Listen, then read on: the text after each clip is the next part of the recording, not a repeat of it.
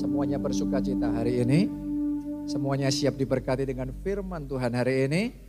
Yang percaya kita kasih tepuk tangan yang paling meriah buat Tuhan kita. Senang sekali saya kembali bisa melayani saudara di ibadah ini. Dan saya percaya Anda bukan hanya menerima teori firman Tuhan. Roh Kudus sudah bicara dalam hati saya akan ada orang-orang di tempat ini terima impartasi yang spesial hari ini. Oke? Jadi mari siapkan hati saudara. Firman Tuhan yang saya mau bagikan hari ini judulnya adalah Growing in Grace. Bertumbuh dalam anugerah. Langsung kita baca ayatnya. 2 Petrus 1 ayat yang kedua ditulis begini. Kasih karunia. Kasih karunia itu juga grace, anugerah kasih karunia dan damai sejahtera melimpahi kamu. Ini doanya Petrus. Dia doa ya supaya kasih karunia dan apa tadi damai sejahtera melimpahi kamu. Kalau Anda punya Alkitab bahasa Inggris, di sana ditulis grace and peace be multiplied unto you. Artinya yang namanya kasih karunia, Petrus doanya gini, kasih karunia dilipat gandakan atas hidupmu. Oke, banyak orang Kristen ignore, mengabaikan atau belum tahu kebenaran ini. Banyak orang Kristen berpikir kan kasih karunia anugerah datangnya dari Tuhan ya. Kalau Tuhan kasih ya kasih lah. Kalau Tuhan nggak kasih ya nggak nggak bisa lah. Ya benar ya salah. Anda harus tahu benar anugerah kasih karunia semua datangnya dari Tuhan. Tapi yang datangnya dari Tuhan ternyata anugerah itu, kasih karunia itu bisa dilipat gandakan. Saya berdoa dalam ibadah ini, Roh Kudus kerjakan sesuatu dalam hidup saudara, sehingga anugerahnya atas hidupmu dilipat gandakan. Oke, jadi jangan sampai Ya kita tepuk tangan yang paling meriah buat Tuhan.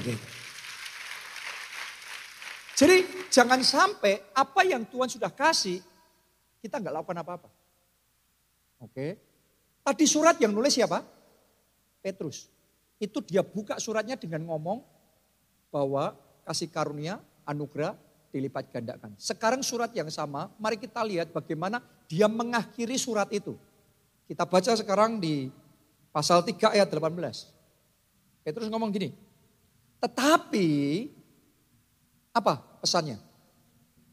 Bertumbuhlah dalam kasih karunia. Coba anda renungkan. Di satu sisi kasih karunia dikasih sama Tuhan.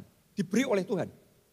Tapi di sisi yang lain pesannya kita harus bertumbuh dalam kasih karunia. Ada orang Kristen yang dapat kasih karunia. Semua orang Kristen, semua orang yang percaya sama Yesus, semuanya sudah terima anugerah. Haleluya. Tapi ada yang menerima anugerah, terus lanjut bertumbuh dalam anugerah. Ada yang terima anugerah tapi stagnan dalam anugerah. Makanya ketika saya ketemu sama orang-orang itu bisa kerasa. Ini anugerahnya ada tapi tipis. Kenapa? Enggak bertumbuh. Oke. Tapi ada orang-orang yang begitu saudara ketemu, saudara akan ngerti. Anugerah Tuhan dalam hidupnya tebal. Karena dia bertumbuh dalam anugerah. Dari waktu ke waktu ada penambahan anugerah. Ada peningkatan anugerah. Ditulis tadi di sana ada pelipat gandaan. Multiplikasi anugerah. Dan kalau anugerah Tuhan itu tebal dalam hidupmu hidupmu akan jadi indah. Setiap saat, itu real saudara, itu real. Saya bisa cerita kesaksian-kesaksian yang gak ada habis-habisnya. Itu Anda akan dibawa mengalami pengalaman-pengalaman yang ajaib, yang indah, yang harusnya nggak mungkin tapi jadi kenyataan. Harusnya terlalu besar tetapi terjadi juga dalam hidupnya. Kenapa? It's all because of the grace of God. Semuanya karena anugerah Tuhan. Dan tadi Kemarin, dari kemarin, Roh Kudus sudah bicara dalam hati saya.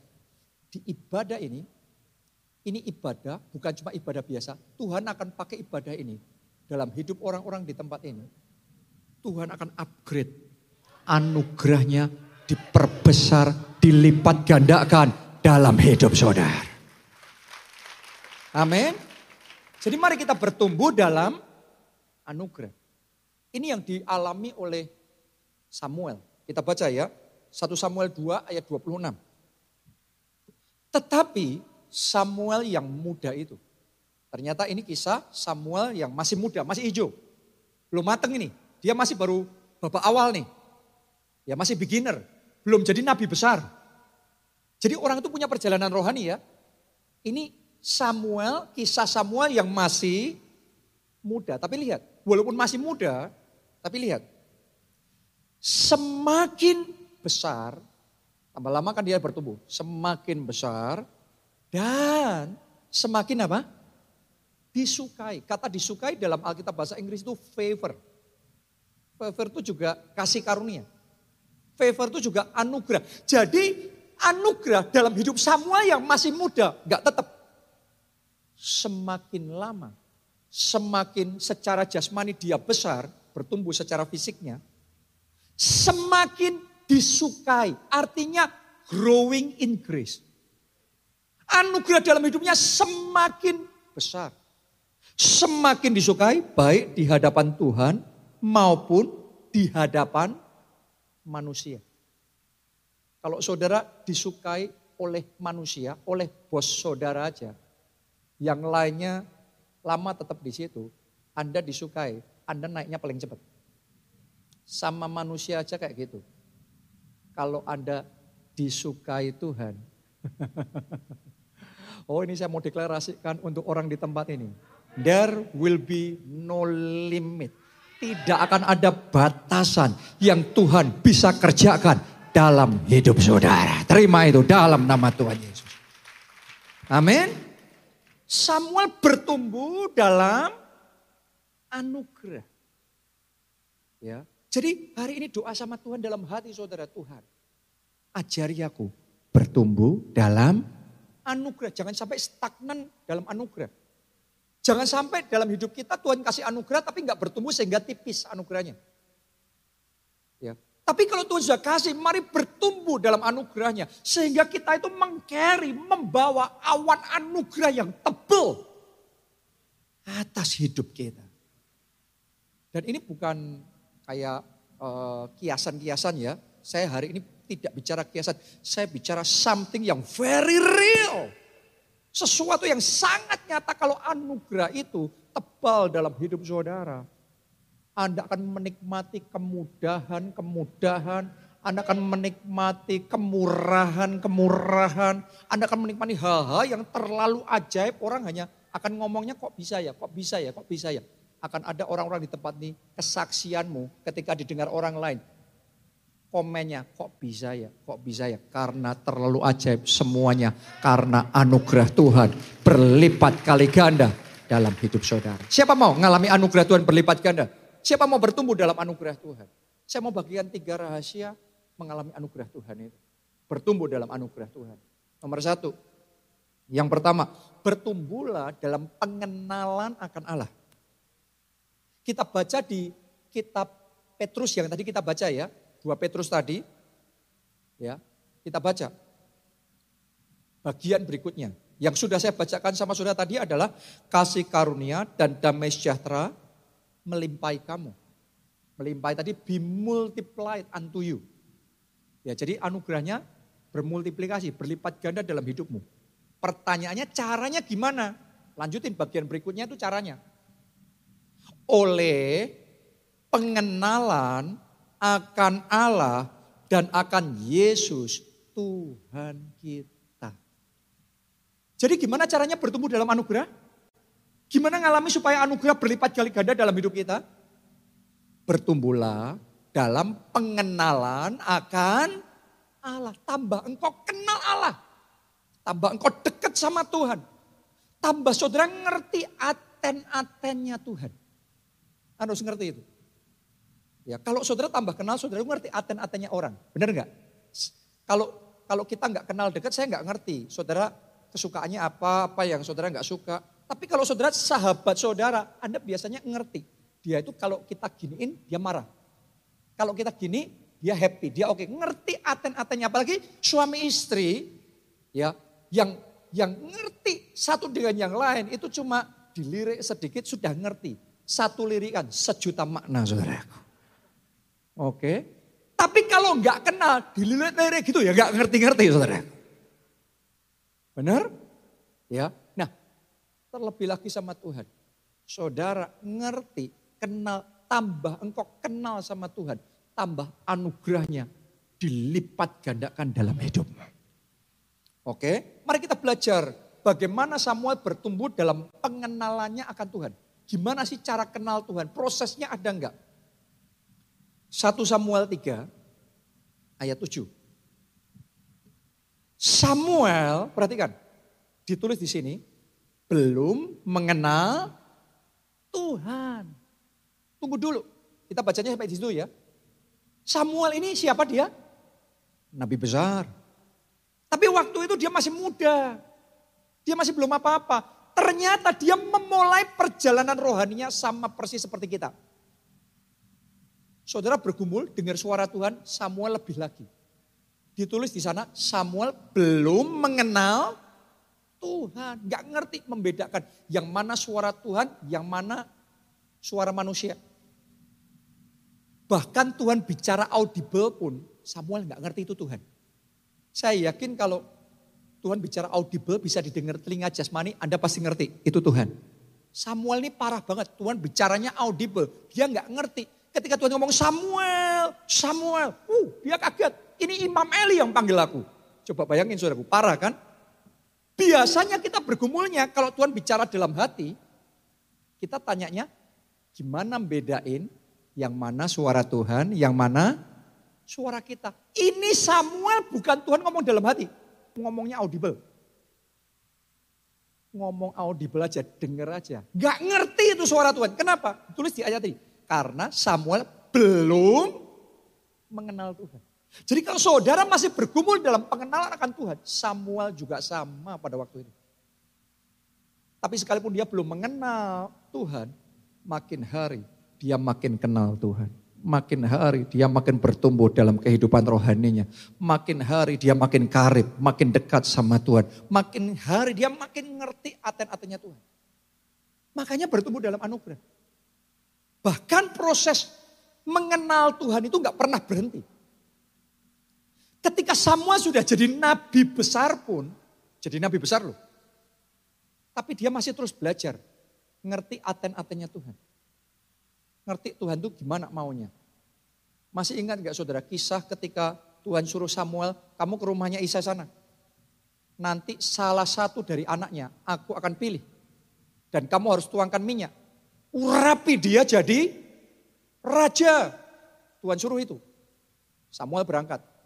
Sampai di tempatnya Isai, anak-anaknya disuruh keluar semua. Disuruh dilihat sama Samuel. Begitu ngelihat anaknya yang pertama, wah ganteng, tinggi, gagah, ngalahin artis Korea. Langsung Samuel ngomong, ini yang dipilih Tuhan. Ini yang bakal jadi raja. Dari surga Tuhan ngomong, salah. Salah Samuel, bukan itu. Nah lihat, yang salah siapa? Samuel loh. Siapa Samuel? Nabi besar. Dia bukan anak kecil lagi. Samuel nabi besar di Alkitab itu ada nabi besar, ada nabi kecil. Nabi besar aja bisa salah. Makanya hamba Tuhan pun juga bisa salah. Samuel salah. Dia terus belajar. Tuhan kalau milih orang tuh gimana? Yang dipilih Tuhan tuh kayak apa? Samuel belum ngerti. Terus anak yang kedua muncul. Samuel ngeliat lagi, wah ini juga hebat ini. Pasti ini yang dipilih Tuhan. Lagi Tuhan ngomong, salah lagi. Jadi nggak sekali benar, salah terus dia. Jadi kalau saudara masih bergumul, ngerti petunjuk Tuhan, jangan putus asa. Samuel juga melalui proses itu. Satu persatu anak-anaknya Isa disuruh lihat Samuel, nggak ada semua. Ternyata anaknya yang satu masih di padang, yang paling kecil, namanya adalah Daud. Tuhan terus ngomong gini sama Samuel, Samuel, bukan yang dilihat manusia, itu yang dilihat Allah. No, salah kamu. Manusia kalau ngelihat nilai orang, apa yang di depan? Mata. Tapi aku nilai orang, Tuhan kalau nilai orang adalah apa yang di dalam hati. Di situ Samuel belajar lagi satu aten-atennya Tuhan. Oh gitu. Ternyata kalau Tuhan memilih orang, Tuhan tuh nggak ngelihat pakaiannya gimana, mentereng apa tidak, potongan rambutnya, gaya gaya bahasanya seperti apa, mobilnya naik apa. No, itu semua dilihat manusia, yes. Tapi kalau Tuhan sedang lihat kita, yang diselidiki hati kita. Hari ini saudara sedang ibadah, doa saya kalau Tuhan lihat hati saudara yang Tuhan temukan hati yang mengasihi Tuhan, hati yang menyenangkan Tuhan. Amin. Haleluya. Karena itu cara Tuhan melihat dan memilih orang. Di situ Samuel belajar, oh ternyata ini, ngerti lagi, bertumbuh lagi di dalam pengenalan akan Allah. Hari ini saya ajak saudara kenali siapa Tuhan yang engkau sembah. Karena pengenalanmu akan Allah menentukan seberapa besar anugerahnya dilipat gandakan dalam hidup saudara. Ini dalam hidup saya, istri saya, anak-anak saya, kita tuh belajar bertumbuh di dalam anugerah. Dan kita tuh ngalami anugerah Tuhan yang luar biasa. Tapi terus makin hari makin terus bertumbuh dalam anugerah. Makanya anak-anak kita sejak dari kecil kita sudah ajarin tentang bertumbuh dalam anugerah ini. Saya punya tiga anak. Yang paling besar Jessica, nomor dua namanya Gaby, yang paling kecil namanya Jane. Ya, nah kita ajarin. Salah satu yang saya mau ceritain sama saudara, September kemarin, ingat nggak saudara? Gereja kita ulang tahun. Terus tamunya siapa itu? Pastor Samson Dabas. Ya. Nah, dia dari Solo, khotbah Jogja, terus Jakarta. Nah pas di Jakarta ada waktu dia melayani, terus ada waktu anak-anak saya diajak sama istri saya, Pastor Nita, didoain sama Pastor Samson. Masing-masing didoain satu-satu dan semuanya spesial, semuanya luar biasa. Ya, tapi yang saya mau ceritakan sama saudara hari ini adalah anak saya yang ketiga, yang paling kecil, Jane. Waktu Pastor Samson doain Jane ini masih kecil saudaraku, Ya, Pastor Samson ketawa-ketawa. Tapi sambil ketawa-ketawa dia sampaikan nubuatan. Yang ini, yang satu ini katanya. Ya, whatever she wants, she always get. Apa pun yang dia mau dalam hidupnya, dia selalu dapat. Jen dengar itu, wah mami, apa pun yang Jen mau, Jen selalu dapat. Waktu itu kita cuma ketawa-ketawa aja, tapi kita heran. Ternyata sama Jen itu dipegang kuat-kuat perkataan itu. Dia ingat benar-benar dia pegang. Pokok mami, apa pun, itu Pastor Samson ngomong, apa pun yang Jen mau, Jen selalu dapat. Itu iman anak kecil. Kalau saudara sudah besar, dinubuatin apa pun yang sudah dapat, apa pun yang sudah mau selalu dapat, mikir dulu, apa yo, kok kayaknya tidak cocok. Makanya banyak orang karena kebanyakan memfilter pesan Tuhan, firman Tuhan, gak ngalami apa-apa. Tuhan ngomong, miliki iman seperti anak kecil. Jen itu nangkap sungguh-sungguh. Itu September ya.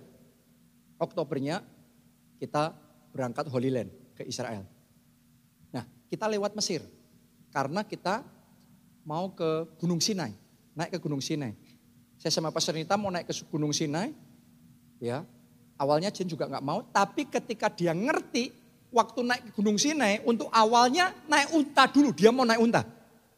Anak kecil ya, mikirnya naik unta. Tapi kita kan mikirnya naik Gunung Sinai. Dia nggak mungkin kuat masih kecil naik Gunung Sinai, mendaki gunung setinggi itu. Saya mikir kalau dia ikut berabe nanti.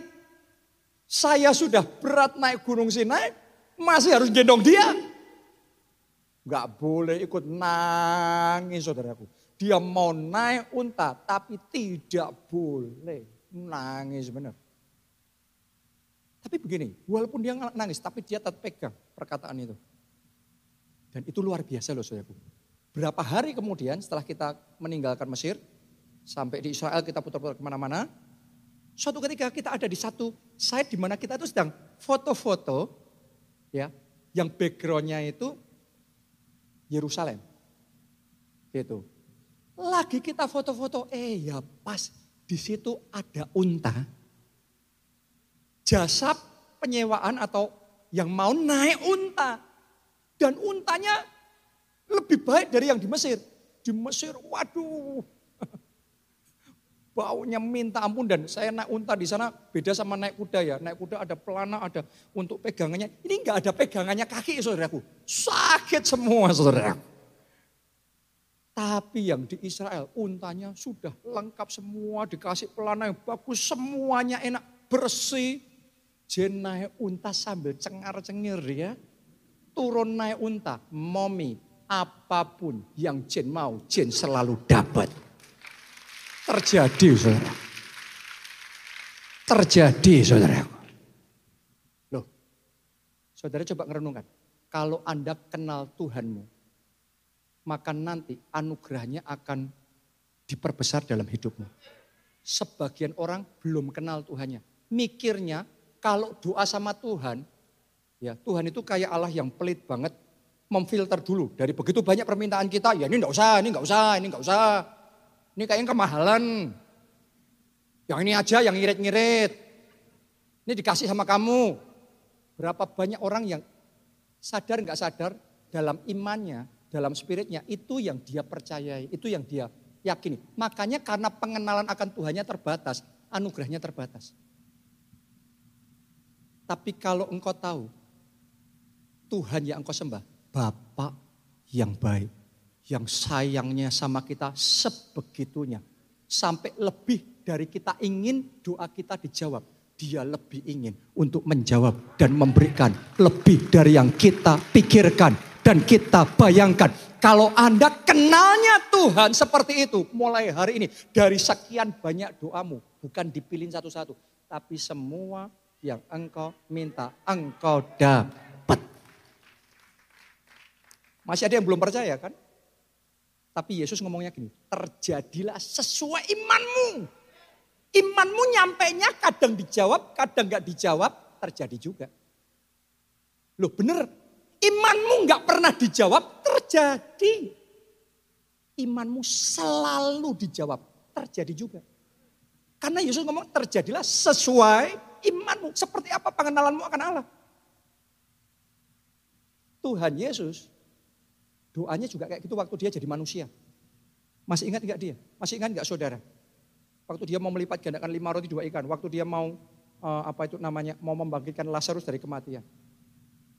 Doanya gini, Bapak, aku tahu engkau selalu mendengar doa-doaku. Lihat saudaraku, selalu kenalnya Yesus sama Bapak di surga itu bukan Bapak yang ngirit-ngirit jawab doa. No, no, no. Selalu. Anda baca di Alkitab itu. Yesus ngomongnya, Bapak aku tahu, aku tahu. Engkau selalu mendengar doa-doa. Kalau engkau kenal, Allahmu itu Allah yang sayang banget sama engkau. Kalau engkau kenal, dia cintanya luar biasa sama saudara. Rencananya besar dalam hidup. Mulai hari ini engkau nggak minder-minder dalam berdoa. Engkau nggak bandingin kalau doanya Pastor Joe, Pastor Nita dijawab. Kalau saya apa dijawab? No, no. Engkau akan dengan confident. Allahku, Bapakku di surga selalu mendengar dan menjawab doa-doaku. Dan kalau saudara percaya seperti itu, terjadi maka anugerah akan dilipat gandakan dalam hidup saudara. Kalau saudara kenal sama Tuhan kayak gitu, ngapain Anda harus khawatir lagi akan hari esok? Apa yang akan kau makan, apa yang akan kau pakai? Karena Tuhan pelihara hidup saudara. Kalau saudara kenal sama Tuhan, hilang kekhawatiran dalam hidup saudara. Dan anugerah Tuhan itu kan nyata. Tapi, tapi, nah itu, Kalau saudara berusaha mencerna anugerah tapi-tapi, Anda yang banyak tapi-tapi, kita enggak dapat apa-apa. Kering tipis. Tapi tambah engkau kenal Tuhanmu, tambah berlimpah anugerahnya. Lihat, kisah perempuan pendarahan 12 tahun. Dia ngomong, asalku jamah jubahnya, aku pasti sembuh. Waktu itu semua orang menjamah jubah Yesus, tapi hanya satu yang sembuh, perempuan ini. Karena imannya gitu. Yang lainnya imannya apa? Imannya kalau Yesus tumpang tangan sama aku, aku sembuh. Maka untuk mereka yang imannya gitu, yang ditumpang tangani yang sembuh. Waktu mereka pegang jubahnya Yesus nggak sembuh. Karena ngertinya hanya kalau ditumpang tangani Yesus yang sembuh. Nggak kenal Yesus. Yesus itu unlimited, tidak terbatas. Nggak kenal, nggak dapat apa-apa. Tapi orang-orang yang sama. Satu pasal berikutnya, setelah dengar kesaksiannya dari perempuan pendaran itu, bahwa cukup cukup jamah jubahnya, aku sembuh. Di satu pasal berikutnya, semua orang yang jamah jubahnya sembuh semuanya. Pengenalan akan Allah akan membuka jalan.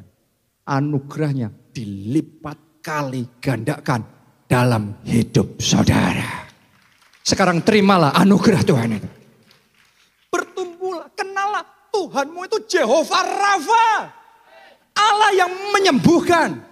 Dia dapat julukan itu bukan omong kosong. Reputasi itu, julukan itu karena prestasinya, performance-nya sebegitu powerfulnya. Tapi kalau engkau nggak yakin dalam hatimu, nggak kenal sehebat itu Tuhan yang saudara sembah bisa menyembuhkan sakit penyakitmu. Kalau saudara nggak kenal Tuhanmu, Gak ada iman. Kalau gak ada iman, engkau gak terima anugerah. Tapi begitu engkau percaya, engkau kenal Tuhan, itu penyembuh yang ajaib. Begitu saudara kenal Tuhanmu, engkau percaya. Maka mulai hari ini, apa pun juga, saat ini juga ya, saat ini juga Anda terima, apa pun juga sakit penyakit saudara, disembuhkan. Terima itu kesembuhan oleh bilur-bilurnya Anda sudah disembuhkan. Oke? Sudah satu lagi ya. Tadi Jin. Sekarang saya cerita Pastor Nita. Hari Kamis sampai Sabtu dia itu ada diklat pendeta di Bogor. Nah saya nemeni dia Kamis sampai Jumat. Karena Sabtu saya harus terbang ke Jogja, dari kemarin saya sudah melayani di sini ya. Jadi nggak mungkin kekejar waktunya, saya harus balik ke Jakarta. Dari Bogor ke Jakarta tuh hari Jumat. Kita janjiannya waktu jam makan siang, ya kita akan makan dulu, setelah itu saya balik ke Jakarta, dia tetap di Bogor. Waktu jam makan siang, kita dari tempat retreatnya itu, diklatnya itu, kita turun ke bawah ya karena ke arah Jakarta gitu untuk makan gitu ya. Waktu turun saya kaget, saya lupa. Itu hari Jumat.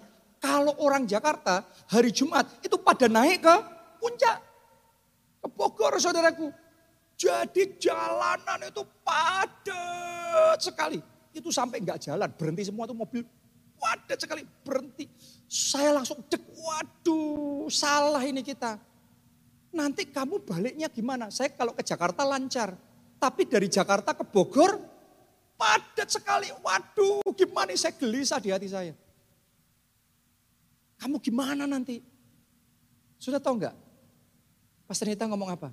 Sudah aku percaya dalam hidupku Tuhan pasti atur. Tuhan pasti tolong. Tapi saya orang laki, saya pakai logika kuat. Saya ngeliat dengan mata kepala saya dan driver saya yang jemput dari Jakarta sudah ngasih tahu itu sampai kilometer berapa sampai ke atas itu itu nggak jalan saudara. Pelan banget macet total itu. Jadi saya kepikir di dalam benak saya, oh waduh nggak mungkin. Saya gelisah, ini ini ini sampai malam loh, ini sampai malam ini nanti. Saya ngomong sama dia. Bahkan kadang-kadang saking kepadatan kan jalan itu dibuat satu arah. Ya, satu arah aja. Sudah tahu nggak jawabannya dia apa? Pokoknya, nah susah urusan sama orang yang pokoknya. Ya, tapi itu iman yang sudah jadi natural. Pokoknya itu sudah iman natural saudaraku. Pokoknya dalam hidupku Tuhan pasti tolong. Tuhan pasti atur. Dan jangan tanya caranya gimana. Karena cara Tuhan selalu ajaib. Selalu nggak masuk akal. Jadi kalau saudara nunggu ngalami keajaiban, masuk akal dulu, makanya nggak pernah ngalami. Tapi kalau engkau percaya, Tuhan akan nyatakan keajaibannya. Itu real dalam hidup saudara. Karena musuh orang pokoknya, sudah saya kunci mulut saya. Turun sampai di restoran kita makan. Makan ya sudah kita nikmati waktu sekitar cuma 45 menit, nggak terlalu lama. Setelah itu saya mau balik ke Jakarta, dia harus naik ke atas. Waktu saya ngelihat keluar, saya kaget. Itu jalan ke atas yang tadinya padat berhenti. Kosong melompong saudaraku. Lancar jaya. Coba dari renungkan. Dalam hidupku, imannya gini. Dia kenalnya Tuhan. Kenalnya Tuhan. Tuhan yang pasti tolong. Seperti apa engkau kenal Tuhan? Tuhan yang pelit tolong, Tuhan yang kadang tolong kadang tidak, hari ini bertumbuhlah dalam pengenalanmu akan Allahmu sehingga engkau bisa percaya Tuhanku pasti tolong. Tuhanku pegang kendali. Apa pun boleh terjadi aku tidak takut, aku tidak khawatir. Dia tidak lepaskan aku begitu saja. Dia selalu menyertai. Dan kalau Tuhan menyertai, kalau Allah di pihakku, siapa lawanku? Akan ada keajaiban dan perkara besar dia kerjakan di dalam kehidupan. Orang bisa percaya sama Tuhan karena kenal siapa Tuhannya. Kalau Anda tidak kenal Tuhan, mungkin nggak bisa percaya Tuhan. Disuruh mengimani, mengimani ya tahu Allah menyembuhkan, tapi nggak bisa nggak bisa tidak khawatir kan? Hanya kalau engkau kenal Tuhanmu, kenal benar. Saudara confident di hati, punya kepercayaan. Tuhan pasti tolong. Mungkin Anda tanya sama saya, Pak kalau saya punya iman kayak gitu, terus kenyataannya Tuhan nggak tolong gimana? Kenyataannya misalnya Pastor Nita sudah mengimani kayak gitu, ngomong kayak gitu, tapi kemudian pada akhirnya jalan tetap macet gimana? Tetap berhenti dan berjam-jam stuck di situ gimana? Tidak akan ada kata komplain di sini saudaraku. Kita hanya akan beria-ria dan bersorak-sorai di dalam Tuhan yang pasti tolong. Tuhan yang selalu berikan yang terbaik. Dan karena itu katakanlah hari itu seumpama dia stuck di situ pun. Saya yakinkan saudara Tuhan akan buat keajaiban-keajaiban yang lebih tidak masuk akal untuk menyatakan anugerahnya dalam hidup kita.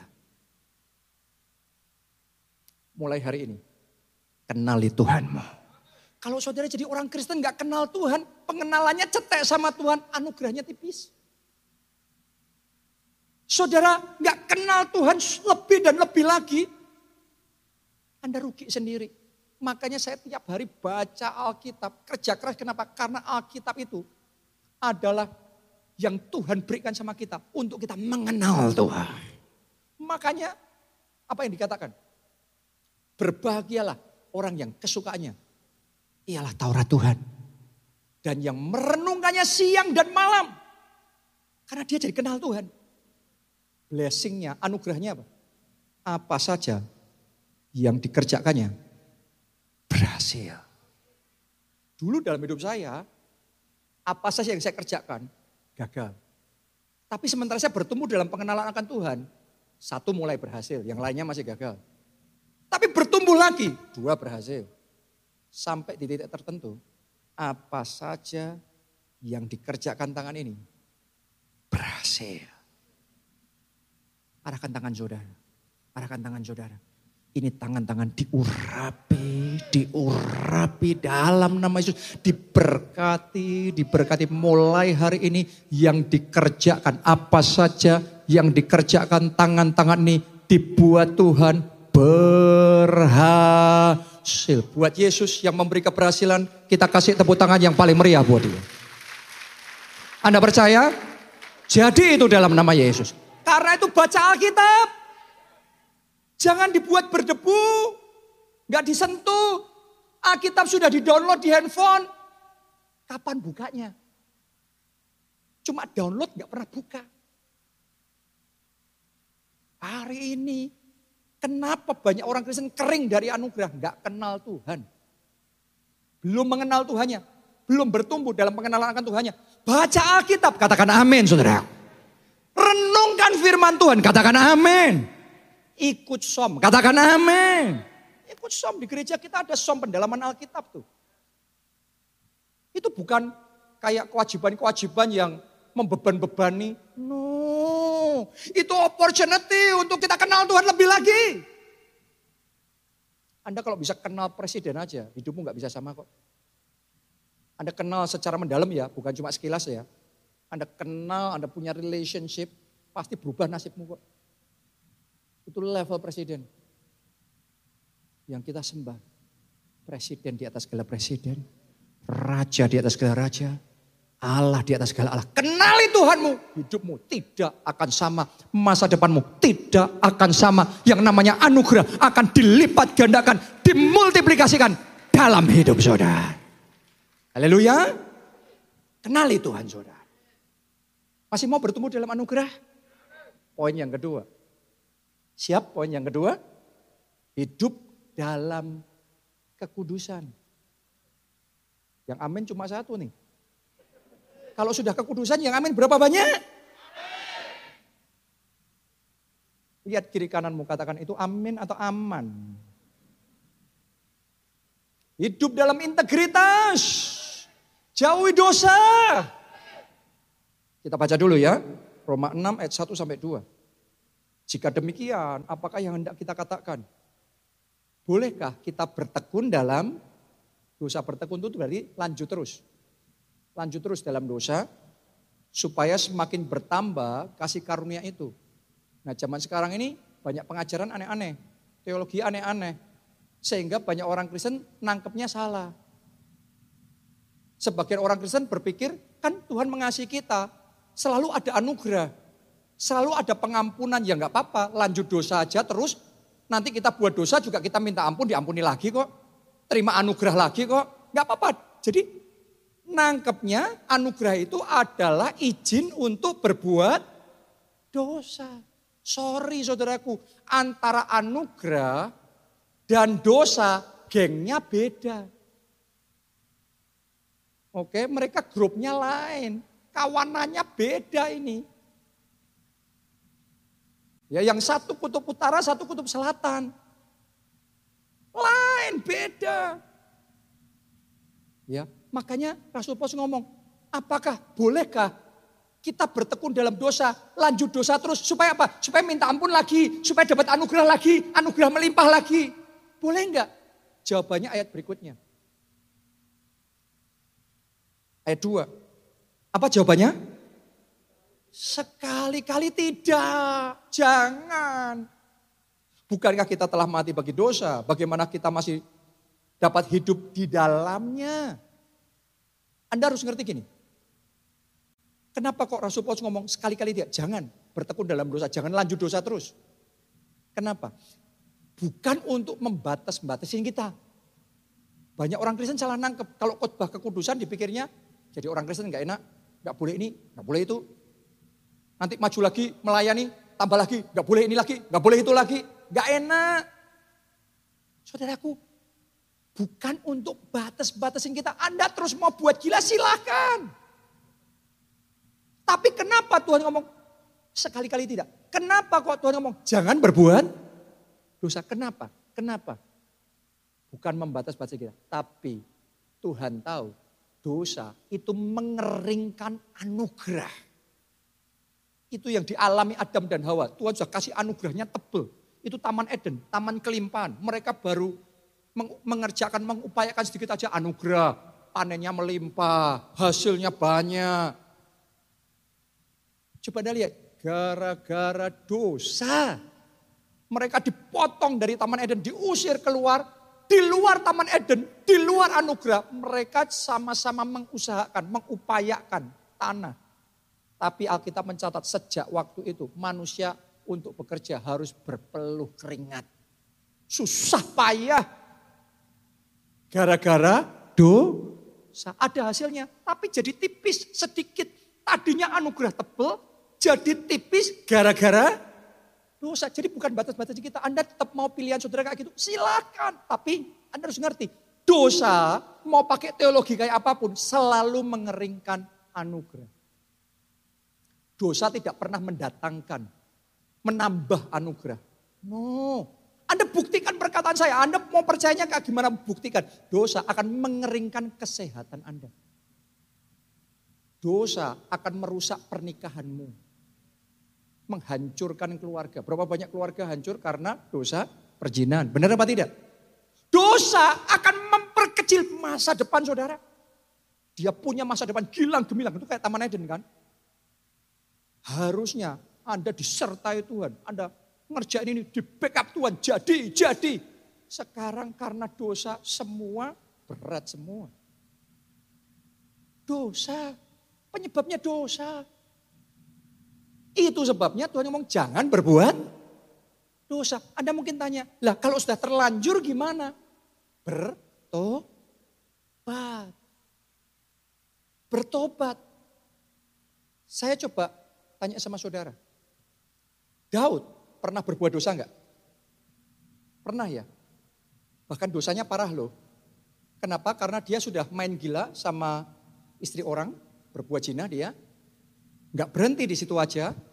Dia buat skenario supaya suaminya mati di medan perang. Berarti dosa perjinan dan dosa pembunuhan. Benar apa tidak? Saya yakin dosa saudara nggak separah Daud. Oke, ini gila benar. Ini parah benar. Tapi kenapa dalam hidup Daud seolah-olah anugerah Tuhan nggak pernah kering? Padahal dosa mengeringkan anugerah. Tapi kenapa dalam hidup Daud seolah-olah selalu melimpah dengan anugerah? Sederhana. Setelah dia buat dosa, setelah dia buat salah. Tuhan utus nabinya, Tuhan utus Nabi Nathan, negur dia, menyampaikan pesan firman Tuhan. Begitu Daud dengar teguran firman Tuhan, langsung dia bertobat. Begitu bertobat, langsung diampuni sama Tuhan. Dan ketika diampuni, anugerah dipulihkan kembali di dalam kehidupan Daud. Hari ini saya deklarasikan hari pemulihan anugerah Tuhan dalam hidup saudara yang selama ini sempat kering hidupmu. Susah semuanya kayak kayak apa ya berat semuanya. Mulai hari ini sementara engkau merendahkan diri di hadapan Tuhan, meresponi firman Tuhan, bertobat dan meninggalkan dosa. Saya deklarasikan blessing. Saya deklarasikan favor. Saya deklarasikan grace, anugerah, dan kasih karunia melimpah dalam hidup saudara. Katakan amin. Tepuk tangannya boleh paling pria buat Tuhan kita. Haleluya. Terima anugerah Tuhan itu. Dengan cara apa? Bertobat. Bertobat. Tinggalkan dosa Anda rugi sendiri. Anda nggak dibatasin kok. Siapa juga mau ngawasin saudara buat dosa apa tidak. Saya nggak mungkin tahu juga. Jadi terserah pilihan kita, tapi sadari Anda rugi sendiri, lanjut terus bertekun dalam dosa. Tapi Anda hidup dalam pertobatan, engkau menikmati yang belum pernah engkau alami sebelumnya. Roh Kudus baru aja taruh di hati saya. Ada orang di tempat ini dengar firman. Saat ini juga hatimu ngomong sama Tuhan, engkau mau bertobat. Engkau mau tinggalkan dosa dan Tuhan mau ngomong sama saudara begini.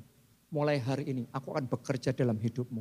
Pintu-pintu yang tadinya tertutup, mulai hari ini Anda akan mengalami pintu-pintu itu terbuka, terbuka, terbuka. Engkau akan majunya ditopang sama Tuhan. Percepatan rohani terjadi dalam hidup saudara. Anda akan melihat bagaimana kemudahan dan kelancaran ada di dalam kehidupan saudara. Mulai hari ini perjalananmu akan berhasil dan engkau akan beruntung ke mana pun engkau pergi. Karena anugerah. Anugerah. Itu yang kedua. Yang ketiga. Yang ketiga. Yang terakhir. Untuk bertumbuh dalam anugerah, tertanamlah di bait Tuhan. Kita baca Mazmur 92 ayat 13 sampai 16. Orang benar akan bertunas seperti pohon kurma. Akan tumbuh seperti pohon aras di Libanon mereka yang ditanam di bait Tuhan. Perhatikan, mereka yang diapain? Ditanam. Ya, kalau ditanam jadinya tertanam. Benar ya? Siapa yang menanam? Tuhan. Saudara dan saya, ini ayat blessingnya ini khusus untuk mereka yang ditanam. Karena tidak semua orang mau ditanam dan tertanam di bait Tuhan. Tapi ini khusus mereka yang ditanam. Di bait Tuhan akan bertunas di pelataran Allah kita. Bertunas berarti akan ada pertumbuhan terjadi. Ayat yang berikutnya. Pada masa tua pun, bukan cuma waktu muda. Sampai tua pun mereka masih berbuah menjadi gemu dan segar untuk memberitakan bahwa Tuhan itu benar. Bahwa ia gunung batuku dan tidak ada kecurangan padanya. Wow. Wow. Ada orang dalam hidupnya produktif hanya di masa produktif. Masih muda produktif lagi dapat angin produktif, wah hebat. Tapi nggak berapa lama rontok. Cepat naik dikagumi semua orang, setelah itu rontok, habis semuanya. Ada orang yang waktu masa produktifnya produktif. Tapi setelah sampai di titik tertentu, sudah pensiun, dah nggak ngapa-ngapain, nggak berbuah lagi. Tapi Tuhan, firman Tuhan ngomong gini, khusus untuk orang yang tertanam di bait Tuhan bukan cuma waktu muda berprestasi. Saya berdoa dalam hidupmu. Sampai tua pun Anda tetap berbuah lebat. Tetap pikirannya tajam. Tetap kreativitasnya luar biasa. Tetap bersinar. Tetap berprestasi. Tetap dipakai Tuhan. Melakukan perkara-perkara besar. Tetap penuh dengan berkat dan anugerah. Ada kesaksian-kesaksian baru. Terobosan dan kemenangan baru. Tuhan kerjakan dalam hidup saudara. Kita kasih tepuk tangannya yang paling meriah buat Tuhan kita. Coba sudah lihat Bapak rohani kita, Pak Ubaja. Oktober kemarin ulang tahun 69. Banyak pendeta sudah maunya pensiun. Dah nggak ngapain lagi. Tapi Pak Obaja sampai 69 pun, sampai hari ini pun. Setiap weekend, Sabtu Minggu masih khotbah lima kali memuji Tuhan, masih menari-nari, melompat-lompat. Bahkan di ulang tahun ke-69 masih mencanangkan proyek berikutnya. Pembangunan pusat kegerakan roh kudus di Solo 20 hektar. Di masa tua loh. Tambah bersinar, bukan di masa tua terus kemudian habis. No. Tapi berkat orang yang tertanam di bait Tuhan tetap naik tidak turun, terbang tinggi bagaikan raja wali dari kemuliaan pada kemuliaan yang semakin besar. Doa saya itu terjadi dalam hidup saudara. Itu terjadi dalam hidup saudara. Berkat yang satu ini terimalah di dalam hidup saudara. Kuncinya apa? Tertanam di bait Tuhan. Saya ini karena pendeta, karena hamba Tuhan, dunia saya juga, teman-teman saya juga pendeta hamba Tuhan. Saya perhatikan mereka. Ternyata bukan cuma jemaat ya. Ini masalah ini pendeta pun ada yang tertanam di bait Tuhan dan ada yang tidak. Bukan cuma jemaat loh. Pendeta pun juga gitu. Ya. Nah, yang tidak tertanam di bait Tuhan ini, walaupun pendeta pengkhotbah, wah dikagumin orang hebat, talented, luar biasa, terkenal, melejit. Tapi tidak tertanam di bait Tuhan. Sekian tahun lewat, rontok semuanya. Saya cari mereka semua, sekarang nggak ketemu. Sudah ngerti? Jadi Alkitab itu tidak bisa dilawan. Tertanam di bait Tuhan dan tidak di bait Tuhan. Lain ceritanya. Anugerahnya berbeda. Saya berdoa, Anda hari ini ambil komitmen tertanam di bait Tuhan.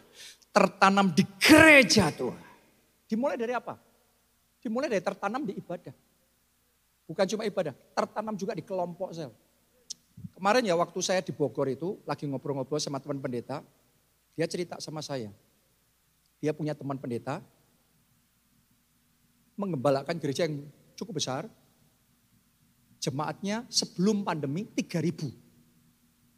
Sekarang setelah pandemi rontok tinggal 700. Dan itu terjadi boleh dikatakan semua gereja di Indonesia mengalami kemunduran semua.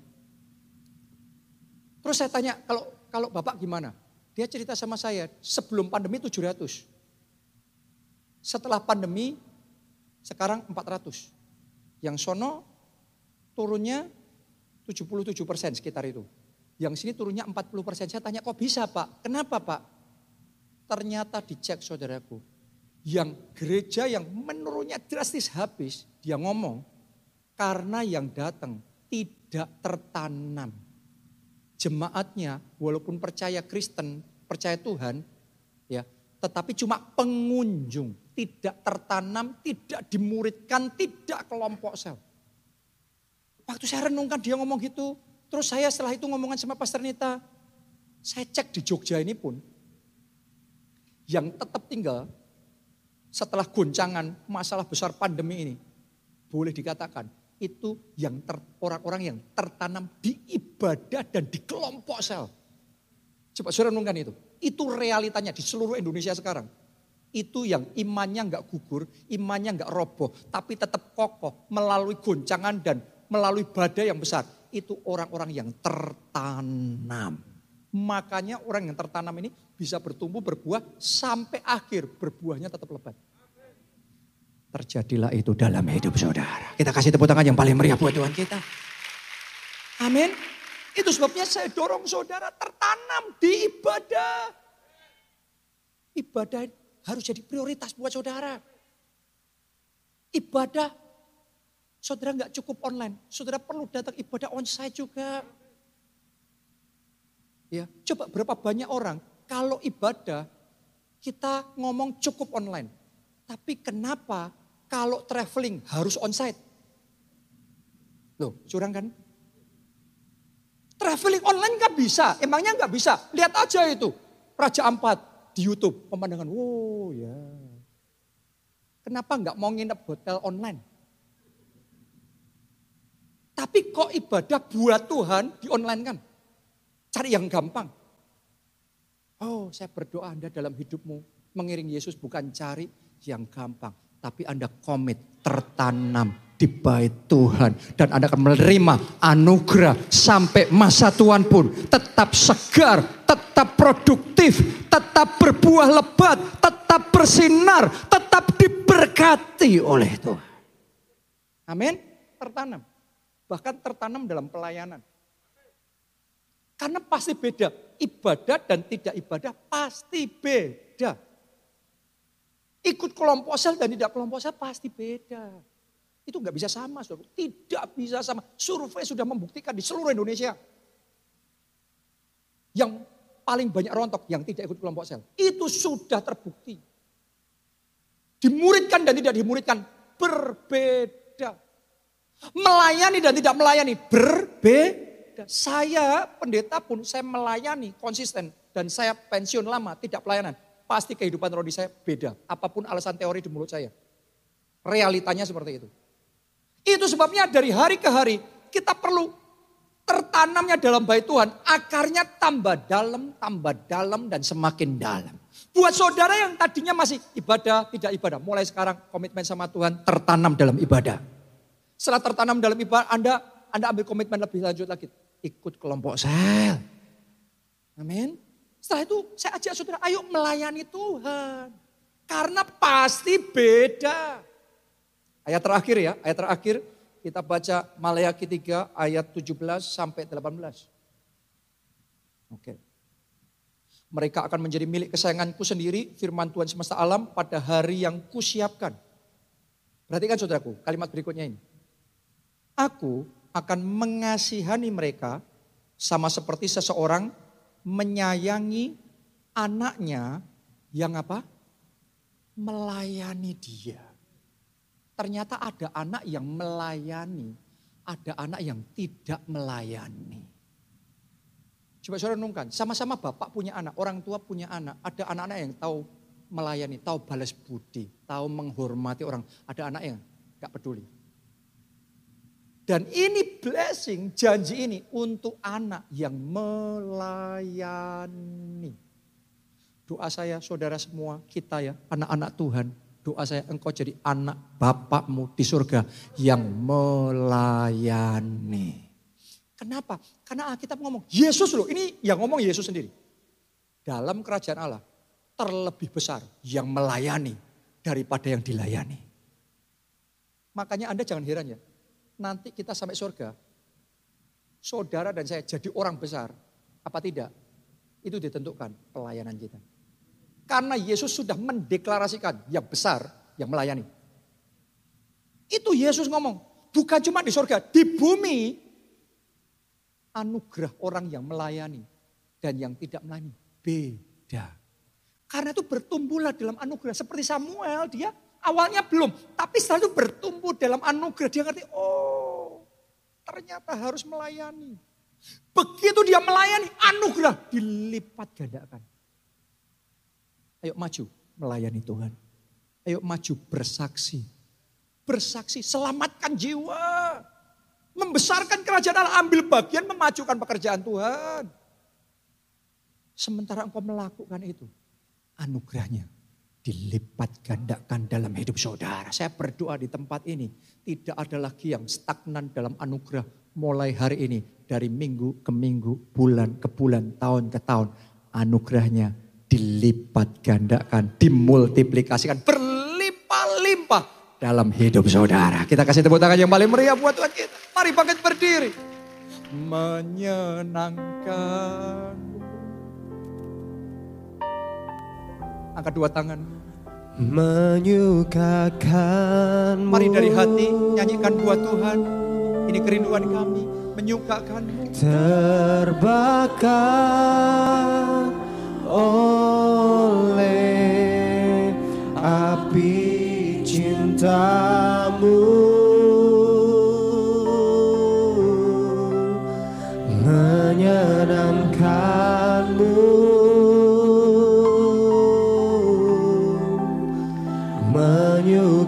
menyukakanmu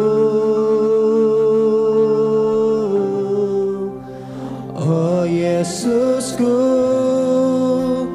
bawaku dekat di hatimu Mari semuanya dengan segenap hati bersama-sama katakan pada Tuhan. menyenangkanmu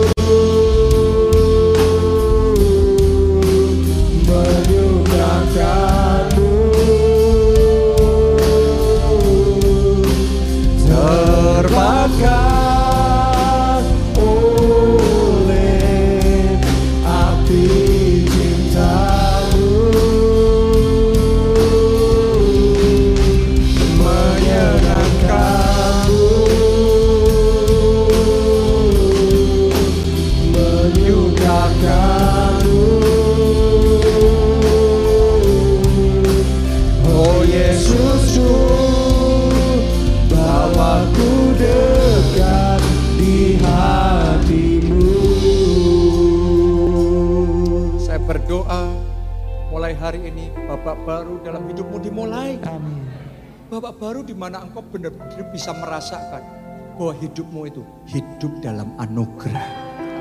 Karena hidup dalam anugerah dan di luar anugerah itu beda. Sama-sama matahari terik panas. Tapi Anda ada di ruangan ber-AC sama di luar ruangan ber-AC sejuknya beda. Dunia boleh panas terik, tapi anugerah akan menyejukkan hidupmu, menyegarkan hidup saudara.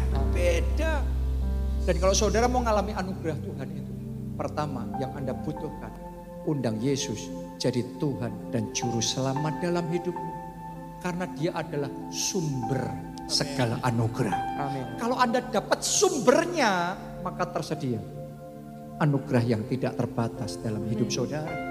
Jadi buat Anda yang belum pernah terima Yesus sebagai Tuhan dan Juru Selamat, ini kesempatan buat saudara. Saya ajak, kita buka hati kita. Kita angkat dua tangan kita, ikuti doa ini.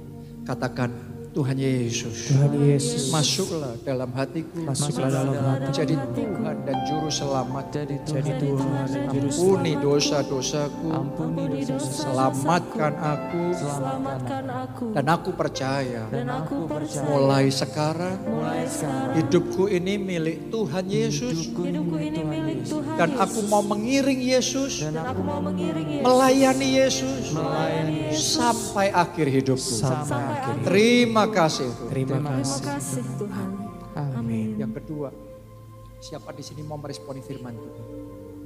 Siapa di sini yang mau seperti Samuel? Awalnya belum kenal, tapi makin lama makin dekat. Makin kenal Tuhan lebih dalam lagi secara pribadi. Yang mau angkat tangan saudara. Siapa di sini yang mau seperti Daud?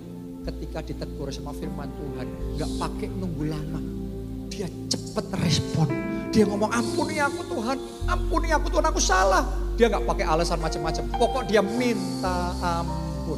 Siapa di sini yang mau meresponi firman Tuhan? Siapa di sini juga yang mau tertanam dalam baik Tuhan? Ada yang mau meresponi? Mari angkat dua tangan saudara. Masing-masing berdoa di hadapan Tuhan. Saya ajak saudara, nyatakan komitmen saudara. Ada yang ditegur oleh firman Tuhan. Ampuni dosa-dosaku ya Tuhan. Ampuni aku. Tanpa aku sadar, aku terus lanjut bertekun dalam dosa. Ampuni aku hari ini. Aku mau bertobat. Hari ini aku komit tinggalkan dosa. Aku mau hidup dalam kebenaran. Mampukan aku Tuhan supaya nggak lagi jatuh bangun dalam dosa. Kuatkan, mampukan aku ya Tuhan. Allah melihat hati saudara, Allah melihat hati. Biarlah hatimu tuh hati yang memang tulus mau bertobat. Tulus mau meresponi pesan firman Tuhan.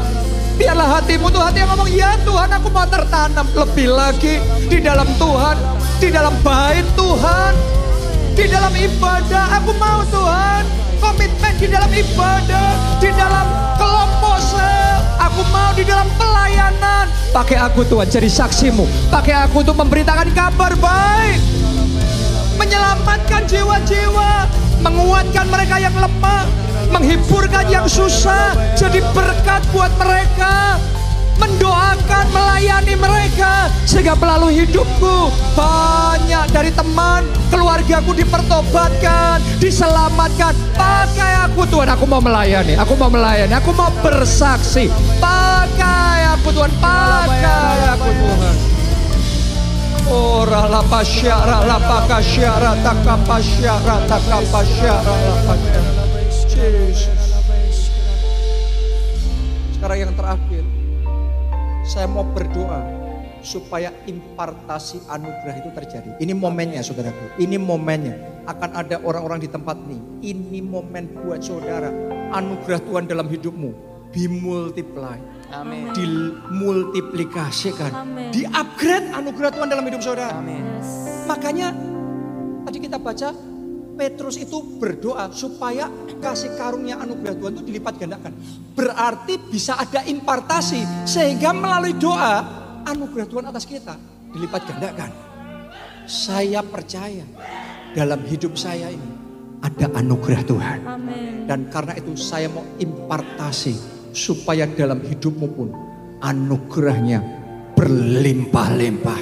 Anda yang percaya, Anda yang rindu, Anda yang mau angkat dua tangan tinggi-tinggi. Mari angkat suara berdoa dulu, connect dulu sama Tuhan yang bisa bahasa roh. Saudara bahasa roh, saudara bahasa roh, kobarkan roh saudara supaya Anda ready terima impartasi. Mari doa, doa. Oh. Connect sama Tuhan saudara. Buat rohmu ready untuk terima impartasi. Oh, rata kapasya, rata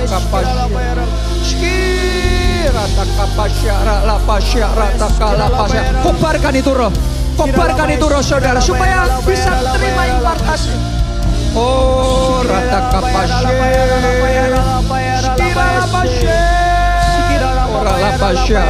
Are you ready? Apakah saudara siap? Sekarang di dalam nama Tuhan Yesus anugerah dari Tuhan atas hidupmu. Saat ini aku impartasikan dan terima dalam nama Yesus. Terima atas hidupmu. Anugerah itu dilipat gandakan bertambah-tambah melimpah-limpah terjadi terjadi. Terjadi, terjadi, terjadi, terjadi. Haleluya. menyenangkanmu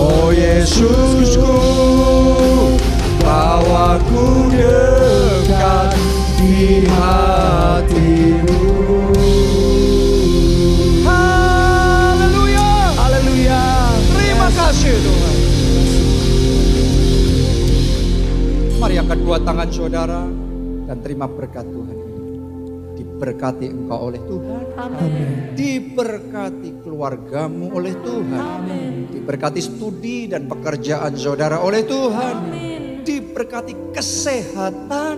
Diberkati juga masa depanmu oleh Tuhan. Amin Diberkati pertumbuhan rohani. Dan pelayanan saudara oleh Tuhan. Amin. Melalui hidupmu. Jiwa-jiwa diselamatkan. Yes Kerajaan Allah diperluas. Amin Nama Tuhan dipermuliakan. Amin dalam anugerah Allah Bapa, cinta kasih Yesus Kristus, dan persekutuan dengan Roh Kudus sekarang sampai selama-lamanya. Mari kita katakan bersama, Amin